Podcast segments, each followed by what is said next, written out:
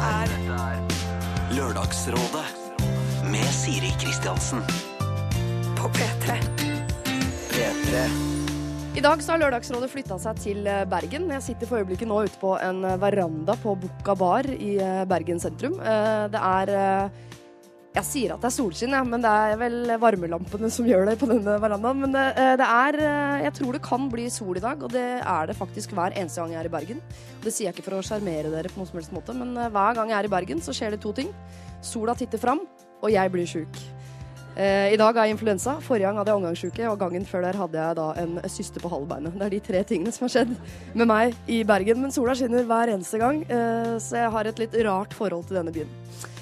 Eh, byen er full av morsomme folk. Det er humorfest i Bergen om dagen. Eh, og de fleste holder show, eller så skal de se show. Og noen går spent rundt og lurer på om de vinner en komipris eh, i eh, morgen. Og så er det masse folk her i tights, fordi det også er Bergen Maraton. Så det er en eh, herlig symbiose av folk som er drita, og folk som er spreke. Men vi skal ha vanlig Lørdagsrådet fra 9 til 12. Prøve å hjelpe deg med de tingene som står på spill i ditt liv om dagen. Og personlig så må jeg si at uh, i mitt liv nå, det som står på spill, er uh, mitt eget regnskap.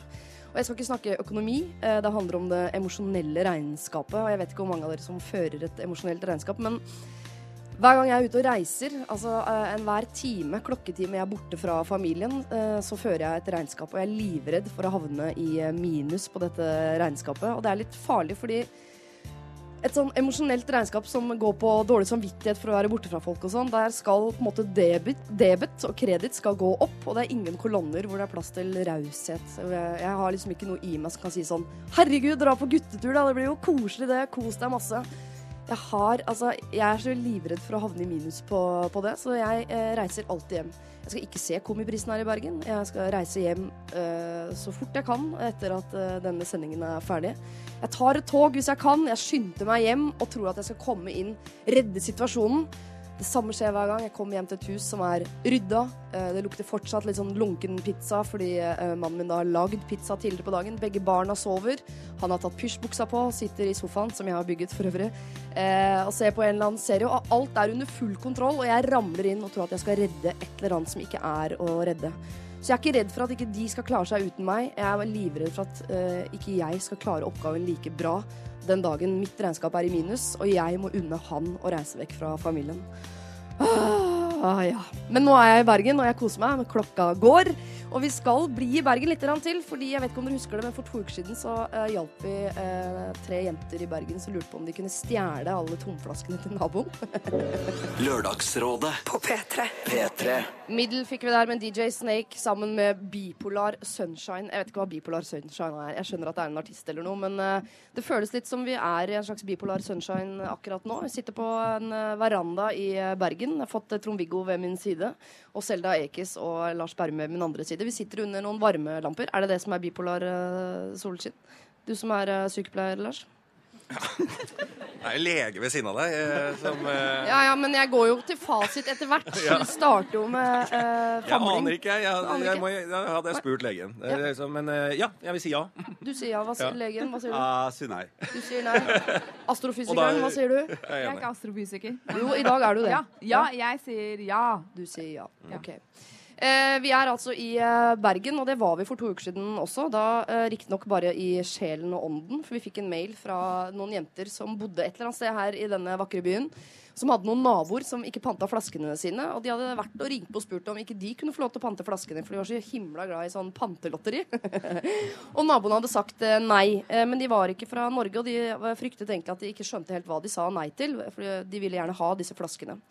Line Elsåshagen, Henrik Fladseth og Nicolay Ramm var rådgivere for to uker siden. Og vi ga vel mer eller mindre tommel opp for at de kunne eh, stjele flaskene, men anbefalte å stjele én og én, bare fordi det er morsommere å stjele litt hver dag enn å stjele mye. Eh, Vi har fått ny mail, og her står det Hei, hei dere. Tusen takk for råd. Veldig moro å høre. Siri, du var nok den som eh, forsto greia best, eh, men følte vi fikk alles velsignelse til slutt. Jeg er jo kleptoman. Det har jeg stått fram med. Min beste venninne er sammen med meg om dette, og før bodde vi med denne tredje venninnen som også elsket pantelotteri. Vi er ikke så nerder som det høres ut, altså, men det er en barnslig glede vi deler. Denne tredje venninnen var tilfeldigvis på besøk i helgen etter at dere ga oss råd, så selv om vi skulle vente til rett før vi flytta med å stjele flasker, så måtte vi nesten gjøre det mens hun var her. Så på fredag ble de rappet, og nå er vi litt redd for å møte naboen i gangen, men det får bare gå bra. Vi er veldig fornøyd, ingen dårlig samvittighet. Det ble 185 kroner til sammen, men vi vant dessverre ingenting. Det er jo karma, da, dere. Slenger med et bilde av venninnen min og flaskene, og takk igjen for eh, råd. Dere er eh, best. Hilsen fra Bergen. Eh, God sending fra Panteren. Altså, dette bildet ligger jo da ute på Facebook-siden til Lørdagsrådet, hvis du vil se. Eh, Dette er jo da en av deres medborgere. Så hvis dere er naboer til disse jentene, så foreslår jeg at dere setter både sko, jakker, paraplyer og alt mulig dere måtte eie, inn i leilighetene deres. P3. Dette er P3.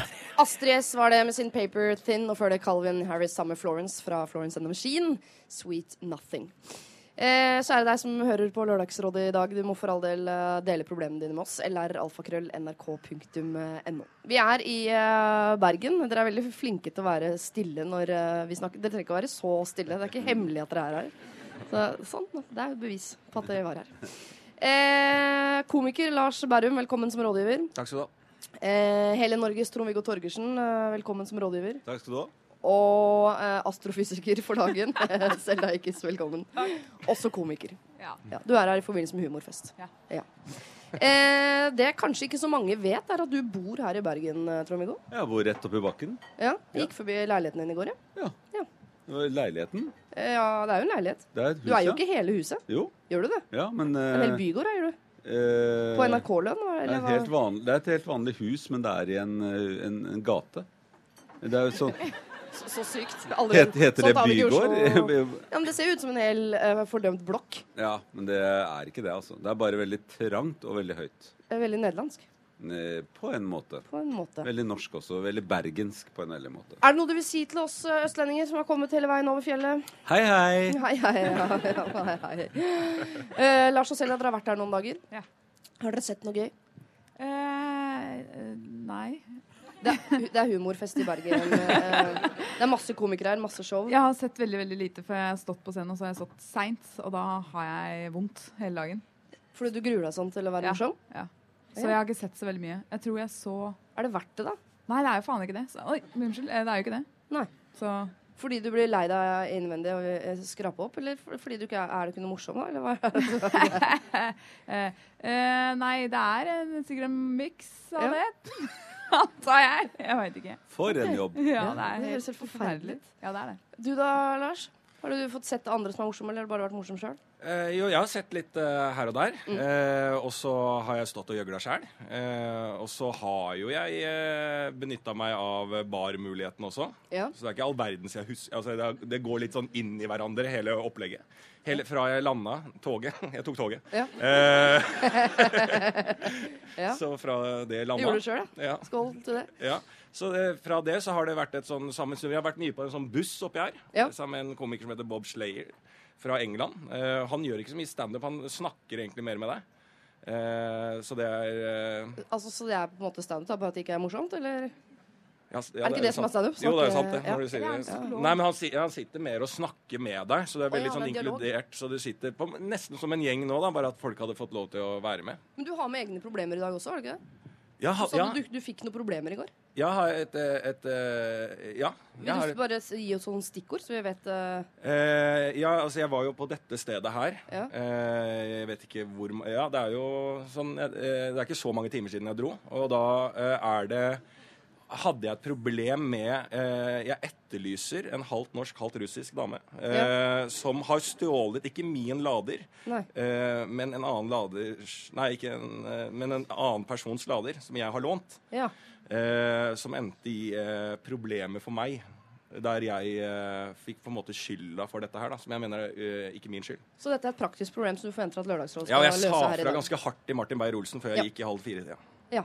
Ja. Ja. Eh, tenk litt på det, dere som er her, om det er noe dere kan bidra med av eh, hjelp. Tenk litt på det også, Selda og Trond-Viggo. Eh, jeg må høre om hvordan det står til med sivil status før vi kan gå i gang. Trond-Viggo, du er den mest stabile av oss. Start. Å, ja. Ja, ok. Ja. Ja. Jeg har det helt fint. Det hørtes veldig stabilt og kjedelig ut, selvfølgelig. Men hvordan er det med din sivile stat? Nå vet vi at du eier en bygård her i Bergen. det, det. det var nytt for meg. Men Ja. jeg eh, er gift med samme kona som jeg har gift med i mange og 30 år. Mm. Eh, lever fremdeles. Dere er så søtt par, for du har så veldig nesten ikke noe hår, og hun har så veldig, veldig mye. Ja, vi har, vi har fordelt det på den måten. Vi har Ja. alt sammen. Vi har felles konto. Ja. Det betyr at hun har fått alt håret. Jeg har alle utgiftene. Ja. Så sånn sett eh, har fire barnebarn som er aldeles eh, nydelige. Ja. eh, og har tre barn som er aldeles nydelige, Ja. bare at de er mye eldre. Mm. Og så har jeg tre svigerfolk som er aldeles nydelige, bare at de kjenner jeg ikke i så mange år som jeg kjenner barna mine. Svigerfolk, altså. Ja, sånn, ja, ja. deres, de er jo forskjellige kjønn, da, så jeg må si sånn svigerfolk. ja. Det er jo bra, det, da. på en måte. Ja. Ja. Hvordan er det med deg? Det hørtes eh, veldig ut som eh, eh, veldig, et veldig kjedelig liv. Men eh, samtidig så kom jeg fra Oslo i går, sånn som dere også antageligvis gjorde, og eh, tok flyet. Og har eh, vært eh, rød fisk i en film veldig lenge. Ja, du jeg- spiller en ny Nemo-film, du nå. Ja, dubber. Ja. Dubber. Ja, vi sier spiller. Jeg spiller. Lars, hvordan er det med dine, dine Det hørtes ikke bra ut. Ditt eh, liv? Eh, bra. Ja. Sivilstatus? Ja, sånn, sånn ja. Eh, ja, jeg har kjæreste ennå, ja. Ja. Eller ennå, jeg, eller, jeg har kjæreste. Ja. Ja. Jeg vet Egentlig ikke hvor mange jeg har snakket med om det, men jeg har uh, kjæreste. Ja. Eh, så sivil status er da Opptatt. opptatt. Eh, ja. Jeg er sammen med en uh, nydelig chili con carne-gryta av en dame, som jeg sier. Som putt, eh, akkurat nå er hun hjemme og putrer. Ja. Eh, Stå på lunk til du kommer hjem. Ja. Ja. så kommer det noen telefoner. Jeg sendte ikke melding i, i natt når jeg legger meg, det pleier jeg alltid å gjøre. Så det kan hende at det koker over uh, idet hun våkner, og jeg Ja. skal ha en samtale etterpå. ja. Det får vi se på. Skype, eller? Eh, nei. Nei, vanlig. Ja. Ja. For jeg har alltid lite batteri, så jeg kan ikke begynne å skype, for da går det så fort. Nå har du ikke lader heller. Nei, det var Nei, det. nå- Deilig unnskyldning, da. Hvordan er det med deg, Selda? Du, jeg og Gustav har nettopp hatt seksårsdag. Jeg trodde du Hva var det ordet du altså, sa? Så bra at du fortsatte på årsdag. Fordi eh, Hvis ikke så hadde det vært så ekkelt. Ja, det, har vært, eh, nei, det er det ikke så mye av. Vi har vært sammen i seks år, så Ja, det har jeg slutta med. ja, ja. Hvordan har du Oi. det, altså, Denne mikrofonen vil ta opp lyd fra tissen min hele tiden. Så den, eh, den bøyer seg ned mot underlivet mitt. Bråker den mye? Eh, ikke i dag. I dag har det greit. Men hvordan er det å være sammen to komikere? Er det uh, Jeg er ikke sammen med to komikere. Nei, men du er komiker selv, og uh, oh, ja, kjæresten din er det. Du, det alle spør om det. Det er ikke som at vi driver og ler masse sånn ut av sånn ha-ha hele tida. Men uh, det er jo veldig koselig. Han er jo kjempemorsom. Ja. Men jeg føler at det, han ler mer av meg, eller med, eller ja, hva det kalles for noe, enn det jeg gjør av han. Så du er morsommere. Ja, jeg er det. Der har vi altså ikke løst problemer, men skapt dem. Det er det som er så deilig med dette radioprogrammet. Vi både skaper og løser problemer.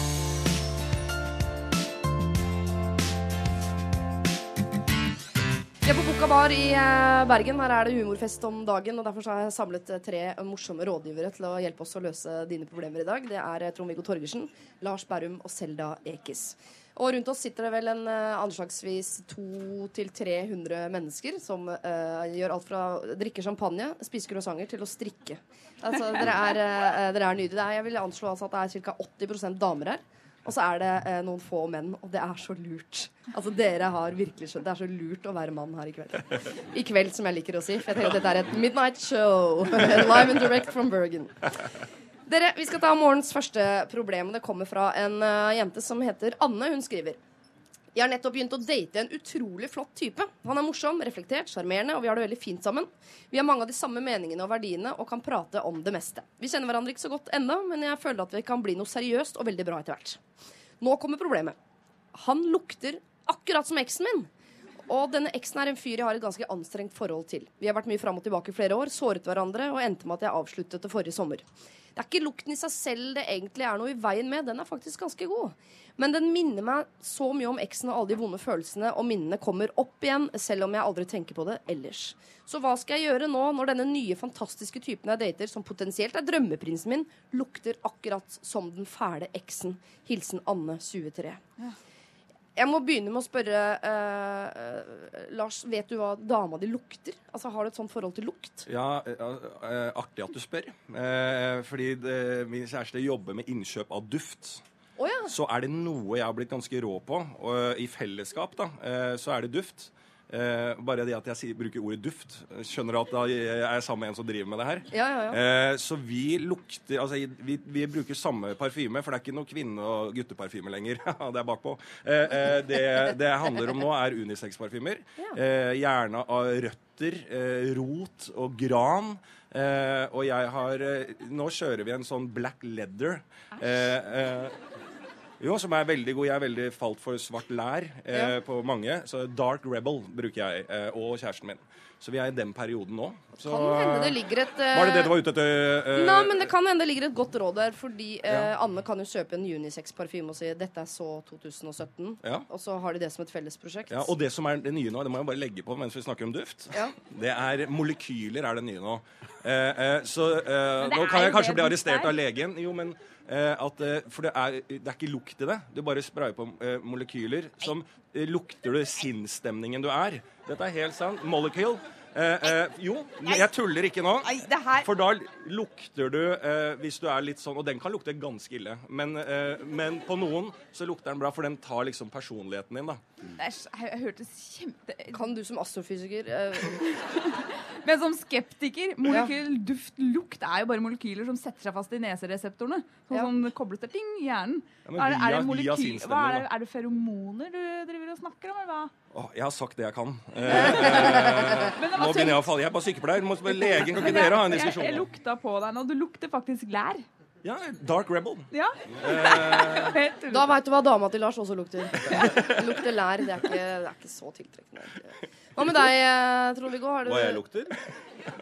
Det, det, ja? Kan Ja. vi ikke spørre om det, da? Nei, jeg vet ikke hva jeg lukter, men jeg vet uh, hvem jeg liker å lukte. Ja. Uh, at vi har jo alle vår personlige smak. Altså vi går etter folk som vi liker at lukter godt. Så jeg tror jo at man velger partner også ut fra lukt. Uh, rett og slett fordi vi har noen sånne veldig bevisste reseptorer da, hvor vi vet hva vi lukter. Men så har vi også sånne uh, Jeg vet ikke om dere har sett hester som, som, som, som løfter leppene. Og de har altså luktreseptorer uh, under leppa og opp i nesa. Og vi har de opp i nesa fremdeles. Altså som species, som, For vi heter var hest som art. før. Ja, så hvis, vi, hvis man ser menn eller damer som gjør litt sånn, altså løfter litt på nesa, så er det for å få mer, eh, mer fart på de reseptorene. Ja. Sånn at man lukter nok eh, en del mennesker som man bare ah, det, 'Dette var et hyggelig menneske.' Eh, eh, uten å vite hva det er man lukter. Så lukt er kjempeviktig hvis, eh, altså for kjærligheten. Hvis Ja. man skal ha en partner resten Ja. av livet, så, så må man like lukten av ham. Hvis ikke så vil det bli Ja, uholdbart. og man får barn som liker lukten av foreldrene sine. Så man går etter, etter lukter som man er vant til. Så når hun lukter denne forrige kjæresten, så er det antageligvis fordi at han også luktet sånn som hun liker. Ja, Men nå forbinder hun jo da uh, denne lukten med noe som ikke er bra. Så da er jo uh, Shit det happens. Ja, men da må vi enten må vi fjerne følelsen knyttet til lukten, eller så må vi fjerne lukten. Hun må fjerne uh, følelsen. Hun må tenke med hjernen at noe av dette hun har opplevd med den forrige kjæresten, det var kanskje et hint om at dette er sånn hun kan komme til å ha det med den nye kjæresten, hvis hun ikke har lært noe av det forrige forholdet. Men det er, veldig, le, det er veldig legeaktig å si at man skal Ja. tenke med hjernen når man er forelsket. Det skjer jo ikke, det vet Nei, du. men, uh, følelsen- hjernen slår inn på uh, år tre eller fire. Man tenker med eh, litt mage, men mest hjerte og tiss. Første Ja, men det hjertet og tissen sitter også i hjernen. Så at man må tenke med forskjellige deler av hjernen. Oh, ja. Ja. Er det derfor man blir brainfucked av og til? True! Det er humorfest, det er lov å prøve seg. Eh, Altså, jeg, jeg, jeg melder meg bare på eh, på en måte odøren i samfunnet. Eh, jeg skjønner at vi må hjelpe Anne med dette, for det er eh, viktig. Jeg kan fortsatt si at min eh, første store kjærlighet Han luktet Stimorol og Davidoff Blue-parfymen. Det kan jeg huske ganske godt. Jeg, ha, jeg lukter det når jeg treffer mennesker som bruker den parfymen, så tenker jeg eh, 2002. det må jeg innrømme. Lukt er kjempeviktig, og vi må hjelpe Anne å bli kvitt. Jeg mener fortsatt at vi kan hjelpe henne å bli kvitt Ja, lukten. ja. Lukten? Eller følelsen. Ja, hun kan jo bli kvitt lukten. Nei, det, Det er ikke okay. hans indre lukt, det er antakeligvis en eller annen parfyme eller Ja, ja. eh, noen molekyler eller et eller annet han driver Alt med. Men er det, er det en parfyme, eller er det liksom hudlukten hans? Jeg kan ikke ha samme Nei, man har ikke som samme hudlukt. Jo, men det er jo det man Ja, det er tiltrekker det seg. tror Det er det han snakker om. Ja. Det er hudlukten til folk. Ja. Folks, Er ikke eh, hudlukt som fingeravtrykk? At man alle har hver sin? ja, man har- men, ja, men man tiltrekker seg samme hudlukt. Så eksen har til samme hudlukt som den nye kjæresten. Hudlukt er et ord jeg ikke orker. Vi innfører uh, Det syns jeg var et veldig godt ord. ja, ja, men du er lege, så du orker sånt. Vi andre vi orker ikke sånt.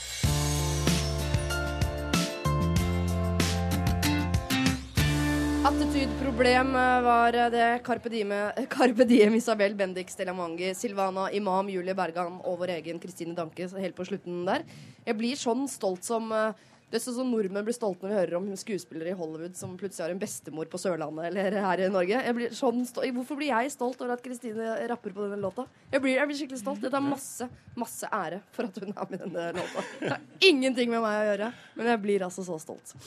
Eh, Lørdagsrådet skal gi gode råd fram til klokka tolv i dag sammen med Trond-Viggo Torgersen, Lars Berrum og Selda Ekiz. Og vi eh, er egentlig midt oppi et problem. vi. Anne 23 dater en fyr som lukter identisk eh, med en eks som hun har et anstrengt forhold til. Og nå har vi etablert at eh, det er hans hudlukt hun har problemer med. Og den kan jo antageligvis dekkes til med parfyme eller den slags. Vi må prøve å se om vi kan finne en måte å gjøre så hun ikke eh, forbinder denne hudlukten eh, med noe negativt. Har vi noen eh, umiddelbare tanker der? Kan de ikke bare kose ha masse sex? Kose og ha masse sex. Ja, Eller positiv sex? Altså, mener, altså, i det Tror du det er et slags regnskap når hun har kost mer med den nye enn den forrige, så vil eh, luktmatten gå over Men i hennes favør? er det ikke sånn at man glemmer smerte og kjipe opplevelser etter, etter hvert? Altså Selv om hudlukten hans trigger eh, han kjipe eksen, så må hun bare gjøre koselige, fine ting med han nye. Sånn at eh, hun begynner å assosiere den hudlukten, da, som jeg antar ikke er så god, egentlig, men som hun syns er helt fantastisk, Ja. eh, med noe positivt. Altså meng Det er mengdetrening, dette her, Ja, da. Er mengdetrening. Jeg er Ja, helt enig. helt enig i det. Jeg, jeg, greier jeg tror ikke på det med hudlukt, jeg. Nei. jeg tror, eller jeg tror Men du at tror på molekylparfymer? Men jeg tror at det, er, jeg, må være parfyme. Kan ikke være at han har samme hudlukt. Så da, hvis, hvis det er det, da må bare få sagt det. Eh, det er rart, jeg, jeg håper jo det er et råd hun har vært innom og tenkt, at be kjæresten bytte parfyme. Jeg har fått beskjed om det før jeg, på, eh, med en eks, med at jeg brukte sånn Nivea hudkrem. Ja. Og så var det sånn det Du fikk beskjed om at du brukte det? Ja. det er deilig at noen kan si Jeg det. bare jøss, er det det jeg har? i- Det er derfor jeg er så hvit i fjeset. Ja. Så jeg fikk beskjed å gni ut den. Nei, eh, jeg, eh, jeg fikk beskjed at eh, den, må- den, den må du ikke bruke. Og da sa hun ikke at det var en eks av henne igjen som hadde brukt den, men det lå i korta. Jeg er kanskje idiot, men så idiot er jeg ikke, så jeg skjønte liksom ah, ikke sant? Ja, for det må være lov at hun kan eh, si noe til denne nye flørten om at eh, den lukten du bruker, er jeg ikke så glad i. Men hun trenger vel ikke å bringe eksen på banen? Man skal vel helst ikke snakke så mye om eks? Nei, jeg ville jo ikke gjort det. Nei? Eh, men jeg tror jo eh, ved mengdetrening, altså det å lære inn noe nytt, det er jo det som stort sett eh, hjelper oss til å glemme det gamle.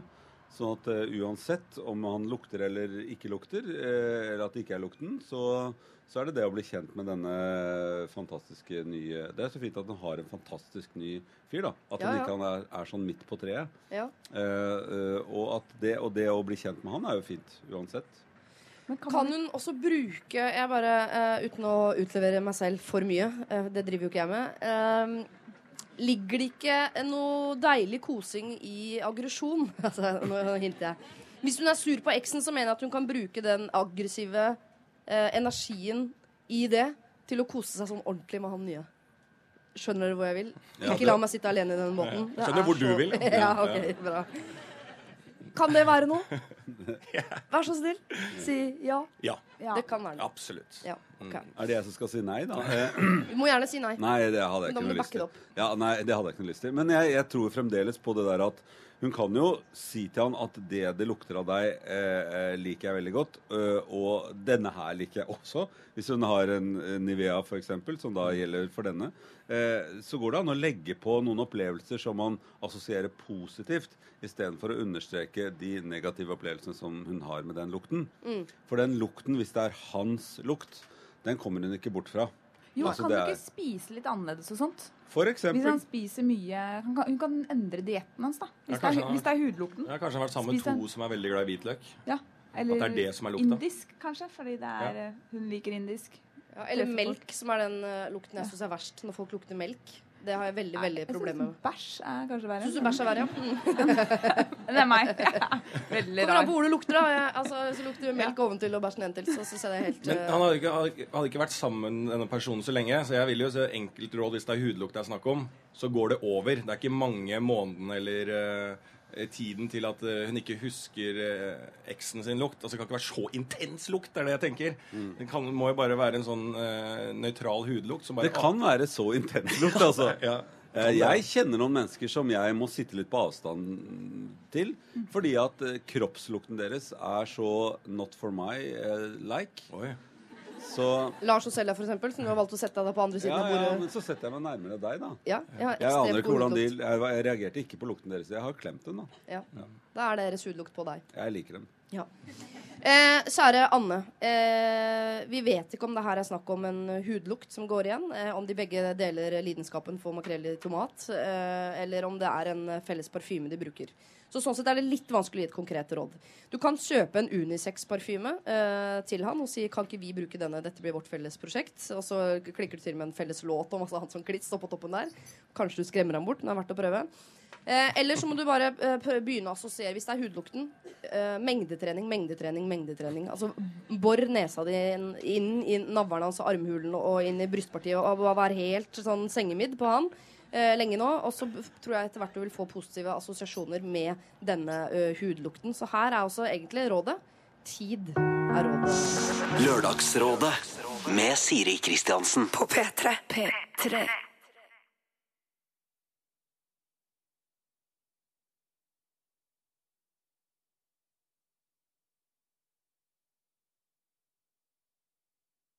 Lars Berrum, Selda Ekiz og Trond-Viggo Torgersen er rådgivere i dag. Her vi sitter på en eh, veranda i eh, Bergen sentrum. Sola skinner, folk drikker eh, champagne og strikker. Jeg kommer til å nevne det mange ganger, så hvis du er ukomfortabel med det, du på første rad, eh, så må du si fra. Så skal enten jeg slutte å kommentere det, eller så må du slutte å strikke. eller så må jeg få den genseren når du er ferdig.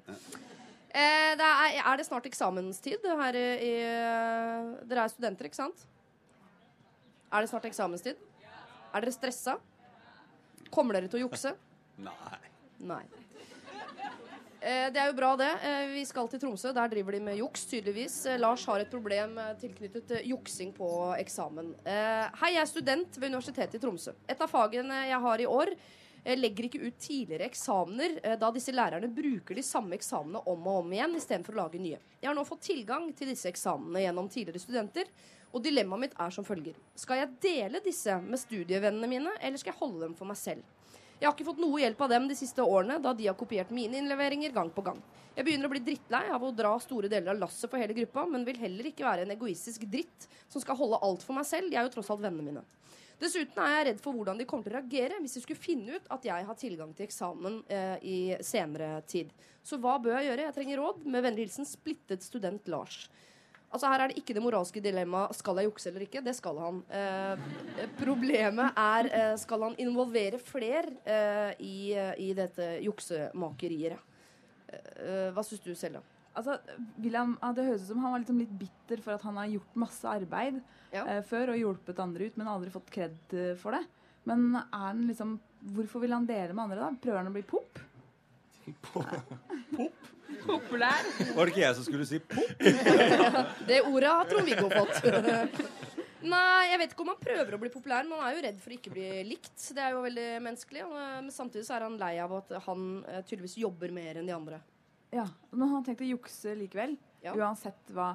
Jeg hadde da anbefalt han om å bare Nå har han ja, Jeg vet ikke, jeg hadde ikke sagt det til noen, og så hadde jeg bare aisa det. Holdt det for deg selv og Eisa. Ja. Ace, hva betyr det? Uh, Ace er eh, da, altså, da får du A. Jeg vet hva pop betyr, men eh, Ace vet jeg. Ace er Da får du får A. Ja. Mm. Ok. Du A-er. Jeg har. ok.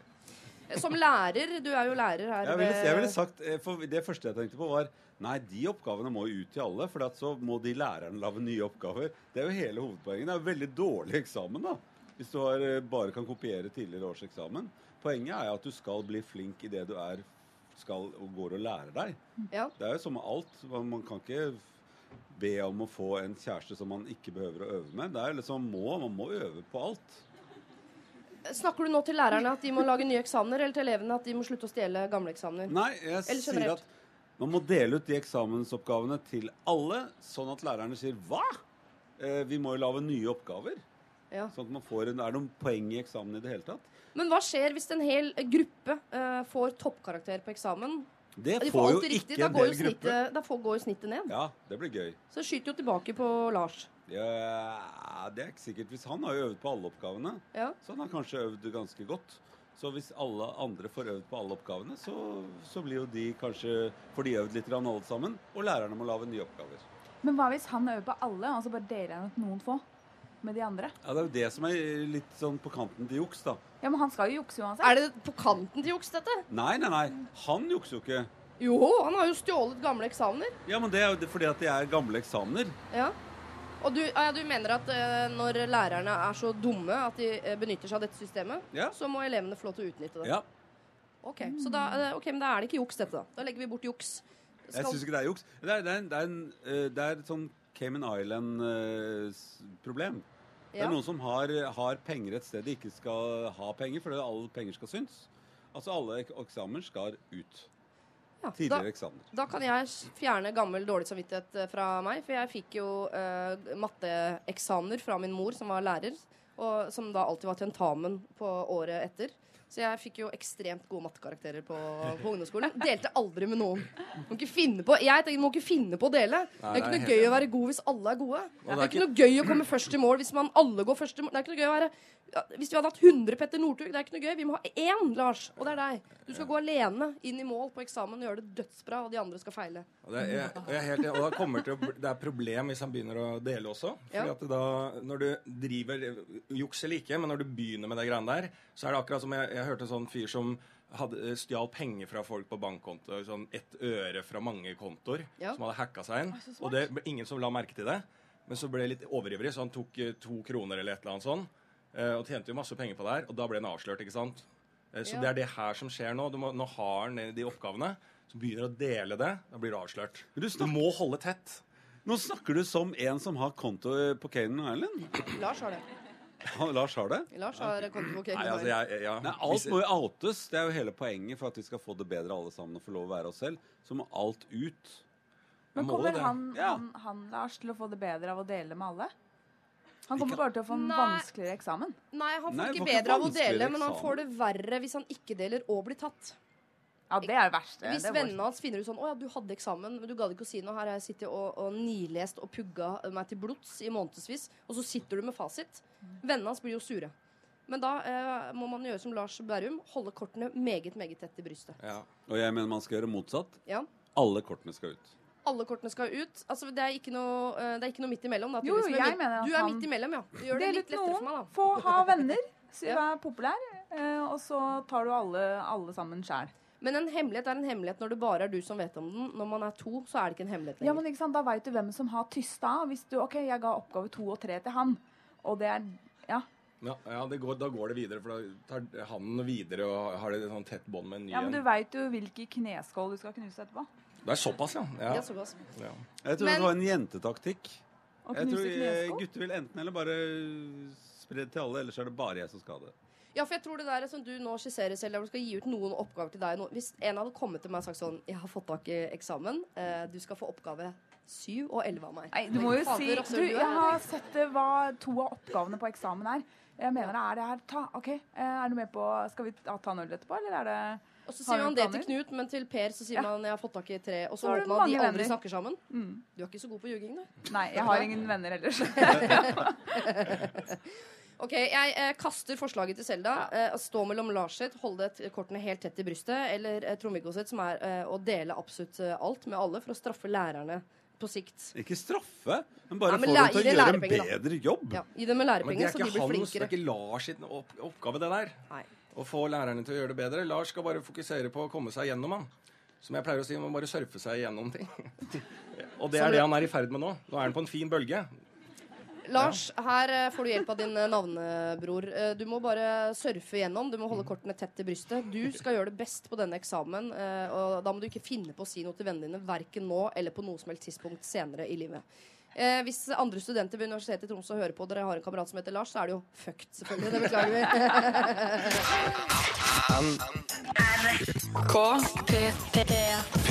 P3. Eh, vi skal eh, på eh, campingferie, folkens. Eh, vi er jo da i Bergen i dag, sender fra Boka bar. Det sitter eh, 200 blide fjes eh, foran meg. Hånda i været, dere som noensinne har vært på campingferie. Det er ganske mange som har vært på campingferie. Ah, ok, men da har vi et grunnlag for å gå inn i dette problemet her. Rådgivere er Trond-Viggo Torgersen. Du rakk en hånd i været. Ja, det? Ja. ja, det? var en halvhånd, for det har ikke vært så svær campingferie, da. Du har kjørt forbi en campingplass. Nei, jeg har vært, vært på telttur campingaktig. Ikke inne blant de andre på en campingplass. Det har jeg ikke vært. Nei, da har du ikke vært på campingferie. Ok, da har jeg ikke vært på. eh, Lars Berrum, eh, hånd i været på deg, eller? Ja, Ja. jeg, jeg, jeg vokste opp med det. Du opp. eh, Med, på campingplasser Ja. eh, rundt omkring. I telt. I telt. Ja. Eh, Knappetelt. Det vet jeg ikke hva er. Knappetelt? Eller vanlig telt? Vanlig telt. Ja. Som Selv er, er ikke, ikke noe hånd i været på deg? Alle Nei, er vi er camping. tyrkere. Vi reiser ikke. Dere- Tilbake til landsbygda. Men det er en slags camping, det òg. Ja, ja. ja, Jeg skal ikke uttale det. Jeg har bare vært i Skedsme. Der så jeg jeg ja. ikke noe særlig telt, men uh, kanskje det var der. Er ikke det bra? Jeg, jeg hata det oh, ja. ganske mye, og kommer aldri til å reise tilbake dit. Men eh, drit i det. Vi skal på campingferie. Kanskje. Mine svigerforeldre har en campingvogn med spikertelt, som Lars ikke vet hva er. Et stort uteområde og det som er. Den står på en stor og barnevennlig campingplass to timer unna der vi bor. Vi har vært der opptil flere ganger og trives godt med det. Spesielt ettersom vi har venner som også har vogn der, og som har barn som kan leke med våre barn. Vi har selv ikke råd til å kjøpe vogn, da vi sparer til å kjøpe vårt første hus. Men hva gjør vel det når svigers har sagt at de gjerne låner ut vogna til oss når vi skulle trenge det. Nå i sommer har min søster satt sin vogn på samme campingplass og skal være der i noen uker med familie og barn. Derfor har jeg spurt svigers om å få låne vogna når de er der. Ingen problem, var svaret vi fikk. Flott. Alle hjerter gleder seg. Men så kom problemet. Etter at vi avtalte dette med svigerfar, begynte han å planlegge. Han skal kjøpe stort telt som skal stå i hagen til denne vogna, der han skal være når vi låner vogna. På denne måten så kan han være sammen med sine barnebarn så mye han kan. Men vi vil jo gjerne være der, bare vi og barna. Han på den andre siden planlegger felles middager og turer de kan ta med barna når vi er der i sommer. Vi hadde jo et ønske om å være sammen med venner og deres barn, og min søster og deres barn. og hvordan skal jeg si dette eh, og formidle dette til mine svigerforeldre, og kanskje mest eh, svigerfar? Han er nemlig en eh, type som blir lett fornærma. Han tar ting veldig eh, fort eh, og blir fort sår, eh, og jeg har brukt mye tid på å opprette og forklare ting i etterkant for å ikke fornærme han. Syv av ti ganger ender han opp med å bli fornærmet uansett. Så hva gjør vi, da? Hva sier vi? Og er vi teite som eh, gjerne vil være på vogna alene med våre barn? Hilsen håpefull sommercamper Truls. Åh, er det en svigermor her? Det er en svigermor, men hun virker ikke så sår som svigerfar. Ja, men det er jo perfekt match. ja. Da må man snakke med svigermor og svigerfar og si eh, Når det gjelder det der eh, i sommer med den der campingvogna, så man begynne lavt. Ja. Så, så, så hadde vi tenkt at det kanskje hadde vært fint hvis Altså man må bruke alle ordene man har på å dempe det. Så Mm. at de skjønner at nå kommer det noe som vi er nødt til å forholde oss til, som blir vanskelig. ja. Og så må man ha med en alliert, nemlig svigermor. Jeg ville jeg, man, De må snakke om dette her. For det må jo ende opp dette her med at de får lov å ha vogna alene i sommer. Det, jeg blir overrasket Ja. over at du som bestefar sier det. For jeg tenkte du skulle si sånn Det er min vogn, det er mine barnebarn. Jeg skal være der. Det, da er det sånn, det er min vogn, det er mine barnebarn som ikke kommer til å få være så mye med meg fordi at barna mine ikke har lyst til at barnebarna skal være med. Man må lage en god stemning, ellers så går det ikke bra. Så man må, egentlig burde svigerfaren begynt med Vi tenkte på at dere kunne ha den Men er er det greit hvis vi er der samtidig, eller hadde dere mest lyst til å være der alene? Jeg skjønner at bestefar tar det litt som en selvfølge at han kan kjøpe seg et telt og campe utafor campingvogna han eier, for å henge med barnebarna fordi det er koselig. Ja. Jeg syns det er litt uh, Truls er jo Eller jeg skjønner at det kan være stressende å ha en svigerfar hengende utafor i et telt hele dagen og natta. Det er faktisk veldig stressende å tenke på, bare. Ja. Men jeg synes at det, det er jo forståelig at eh, bestefar har lyst til å være der. Og kan ikke bare finne fram, komme fram til at du kan du være der én uke istedenfor to? Eller hva, hva tidsperspektivet her er, da? Altså Nå er jeg så satt ut over at uh, unge Selda Marella uten barn slår et slag for denne svigerfar, mens Trond-Viggo Torgersen, som er bestefar, tenker at uh, de stakkars må få lov til å være i fred fra disse gamlingene. Jeg jeg er, eh, kommer du også med noe overraskende inn i dette, Lars? Eller? Eh, nei, eh, nei, det er vanskelig å komme med noe overraskende når liksom begge polene er eh, satt, da. Ja. Men eh, jeg jeg må jo være enig med noen, jeg, da. Eh, og det er kanskje overraskende nok, det. Eh, Ja. det- Men eh, nei, jeg tenker Jeg er helt enig i at eh, man må, man må prate med det. Man kan jo ikke Man skal på sommerferie sammen eh, og har ikke lyst til å ha Når du bare sa setningen 'svigerforeldrene i et telt utafor', det er ikke bra. Eh, eh, det, er ikke, det er ikke riktig på en ferie. Uansett hvor det teltet befinner seg, så er det ikke bra å ha svigerforeldrene i et telt i nærheten. eh, så jeg tenker eh, at eh, man må bare si det enkelt og greit. Altså sånn Nå skal vi ha ferie sammen. Eh, Uten bare dere. oss uten dere. Eh, og være litt klar på det. Men så må jeg også trekke inn eh, fordi Jeg var og besøkte kjæresten min sin familie i Bosnia. Eh, og der er en litt sånn annen kultur på det. er Hele familien sammen. Ja. Og det liker jeg litt òg tanken på. Jeg sier ikke at jeg er best på det, men jeg liker tanken på det sjøl. At alle er sammen, og liksom sånn småbarn er oppe. De, det er ikke noe leggetid i Bosnia. Altså, det, altså, det var en sånn liten gutt på fem år. Han bare plutselig datt den i bakken. Så bare, og så rista han når han våkna og tenkte at nå skjer noe alvorlig, men han hadde bare sovna. Eh, eh, for klokka var jo ett-to-tida, eh, så der bare løper de rundt. og Det er veldig koselig, da. Og Ja. folk drikker og Nei, nå, nå høres det som jeg- Dette er jo ikke bra, men eh, det er, eh, det er, det er ment positivt da, til ut som alle bosnere som hører på. Det er bare ment positivt. Det høres ut som en helt vanlig campingplass. Det du Ja, beskriver det eh, der, for å være helt eh, ærlig. Men det syns jeg er koselig, og det er litt campinglivet òg. Når de er campingfolk, så Ja. er det liksom familie sammen, og ungene er der. er det ikke det? Jo. Ja. Og jeg tenker, er det ikke, Du har jo barnepass 24 timer i døgnet hvis bestefar liksom sier at jeg har lyst til å være der og henge Nei, på det har du ikke. Nei, men, men hvorfor? Han har jo sagt det! Jo, men for det var mitt neste spørsmål, nemlig. Hvis vi bytter ut eh, La oss slutte å si svigerfar, la oss si barnevakt. Vil du ha en barnevakt i telt i hagen? Ja, er svaret på det. Jeg forstår ikke, Dere kommer jo til å være de vinnende i dette her når alle de andre stresser og maser og skal legge og er lei og, og, og sånn. Så sier dere bare nei, vi stikker og bader, svigerfar eller barne, barnevakta tar ungene nå i noen timer. Vi stikker og, øh, og lar ungene være igjen, Ja. er det du sier da. Og da regner du med at besteforeldrene syns det er gøy å ha barnebarna absolutt hele tiden. Det har jo bestefar sagt. Det er jo derfor han vil være med. For å Ja. være sammen med eh, barnebarna sine.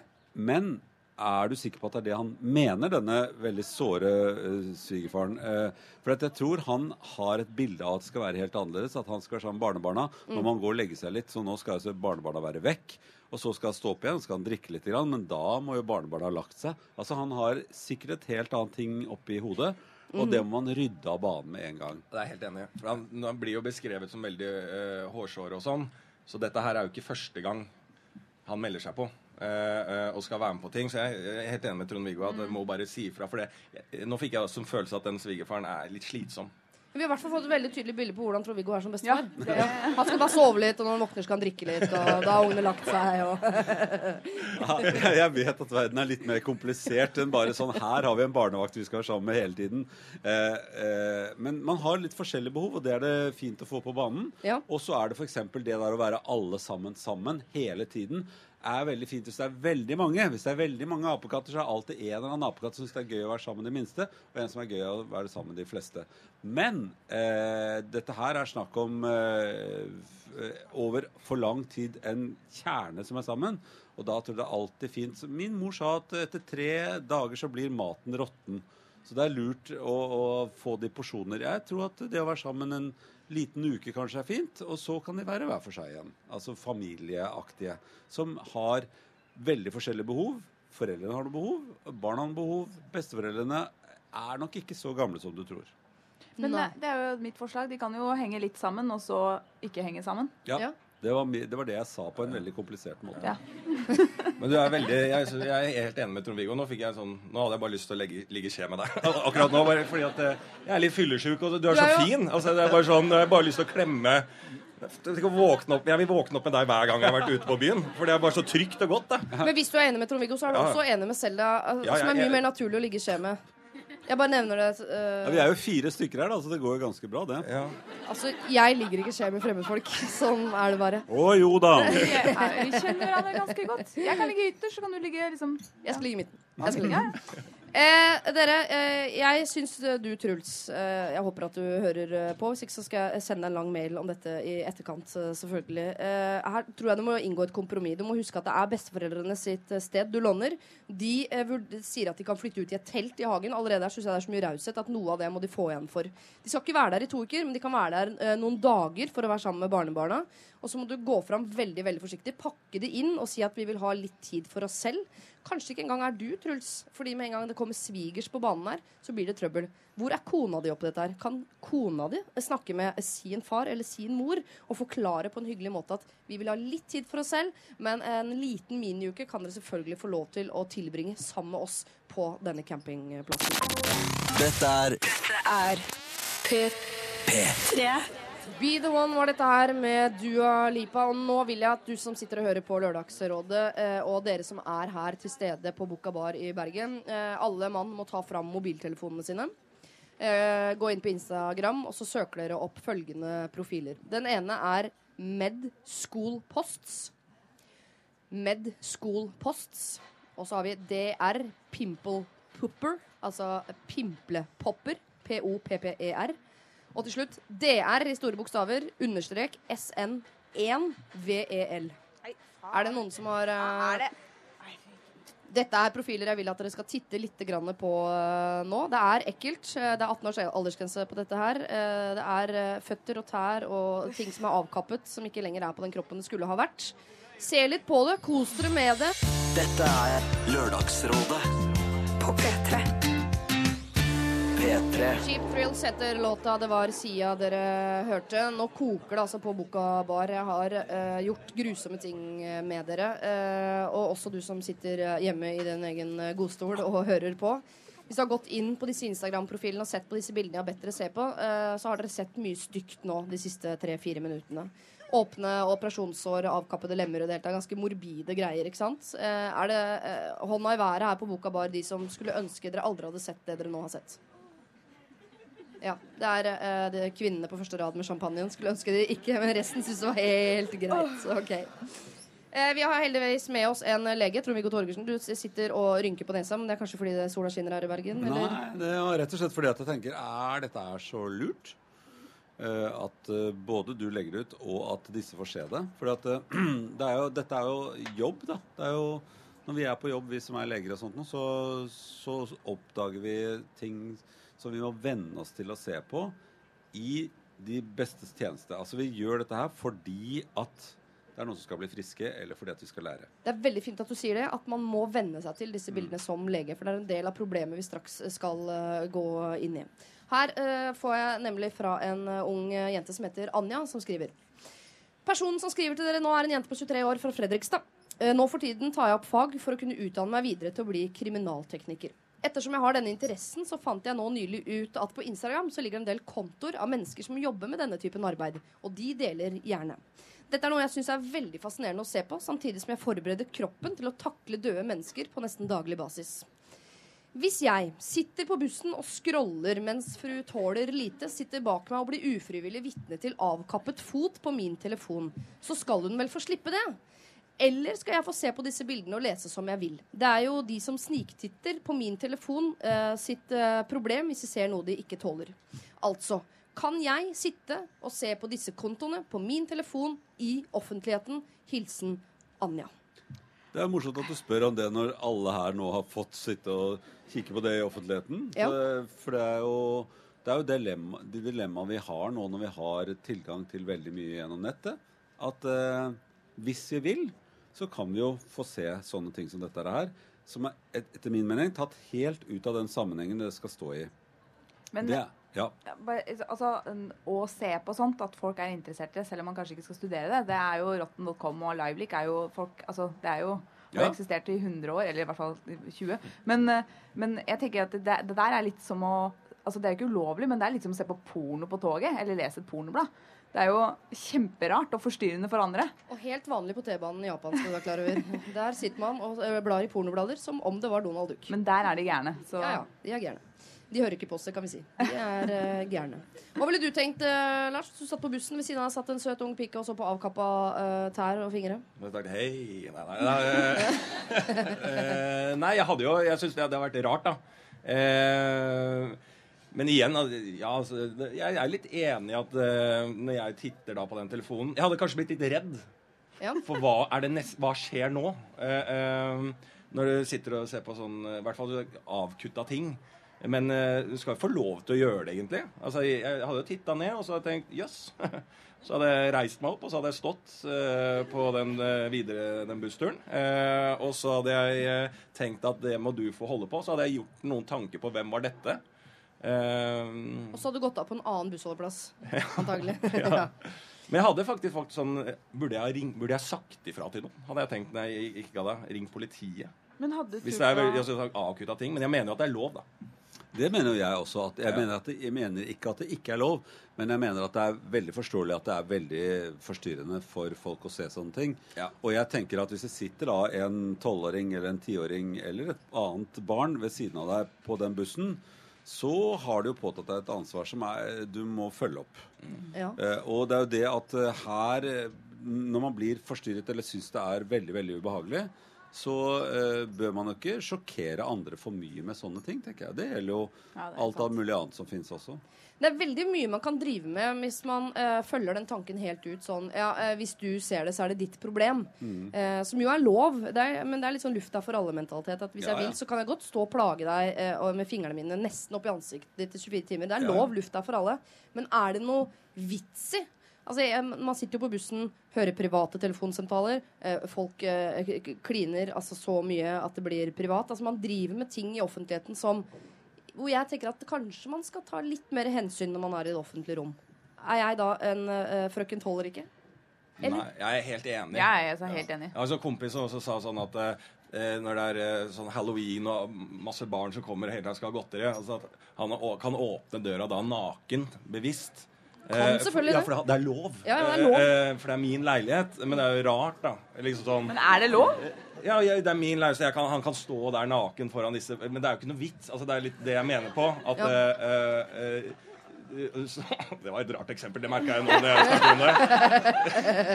Ja. Men det er for sent å trekke seg tilbake. Men folk burde skamme seg litt mer. på sånn litt sånn, Ikke sånn skamme seg på en usunn måte, men litt skam. Jeg syns det var en veldig fin måte å åpne døren på det der. Ja. Si at eh, ja, nå har dere ringt på. Se, her bor jeg. Eh, eh, altså, det er, et, det er, synes jeg er et sunnere ting enn å sitte og vise dette her med, med operasjonsbilder og sånn på bussen. Eh, og- men jeg, jeg tenker at ja, det har jo vært sånn alltid. I gamle dager dro folk på piknik hvor det var eh, satt opp galge og folk ble hengt. Og det, er jo, det tilhørte den tiden. Ja. Og nå har vi dette her som et dilemma for oss som har nettet med oss alltid. Eh, vi kommer jo borti ting i livet som er ting vi ikke hadde lyst til å komme borti. Komme borti døde mennesker, kan komme borti en ulykke, kan komme i ulykka sjøl. Eh, man blir sjuk, eh, man ser folk man er glad i som blir sjuke og dør. Og det, er jo selvfølgelig ting vi ikke har lyst til. Men hvordan man skal øve på det, tror jeg ikke er å kikke på operasjonsbilder på, på nettet. Det blir bare for å sjokkere hvis du ikke jobber med det sjøl. Altså, her er du ikke for mengdetrening, som vi jo anbefalte tidligere i dag. når vi Jo, snakket det om lukt. er jeg for hvis du er innenfor det yrket. At du skal Dette må du venne deg til, fordi at det jobber du med snart. Men en annen ting er å sitte med det som underholdning på en buss. Eh, og da mener jeg ikke hun som skal øve seg på å bli kriminaltekniker, men jeg mener å utsette andre for det. At man må vise litt mer hensyn. Jeg er enig. Eh, jeg syns vi bare skal si det som en generell eh, oppfordring, eh, Anja, at man skal ta litt hensyn til fru tåler ikke. Men det betyr jo ikke at ikke du kan sitte og se på disse profilene på bussen. Eh, men det går jo an å gjøre det på en måte som eh, gjør nettopp at eh, fru tåler ikke slipper å se. Noe hensyn skal man ta. Det er masse masse mennesker, det er masse masse offentlig rom. Og hvis alle bare skal gå rundt og si 'lufta er for alle', hvis du ser noe du ikke liker, så er det ditt problem, ja, så blir vi et rasshølsamfunn. Og du, Anja, er ikke det. Og jeg oppfordrer deg til å heller ikke bli det. P3. Vi sitter her i Bergen. Nå har sola faktisk eh, Jeg sa at sola kommer til å titte fram i løpet av morgenen, og nå gjør den det. Jeg har sola rett i fleisen, eh, og jeg må myse. Jeg skal myse på meg en rynke nå fram til eh, klokka tolv. Det blir deilig.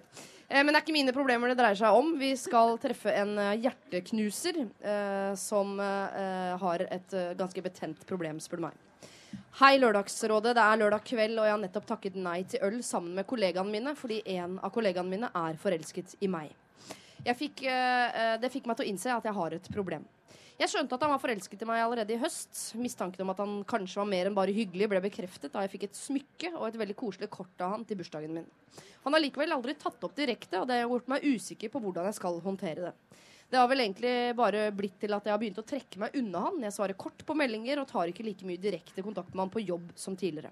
Jeg klarer ikke lenger å ha det gøy sammen med han fordi jeg hele tiden føler at jeg gir han forhåpninger, og at jeg deretter må avvise han igjen. Nå har dette pågått i et halvt år, og min strategi om å trekke meg unna fungerer tydeligvis ikke.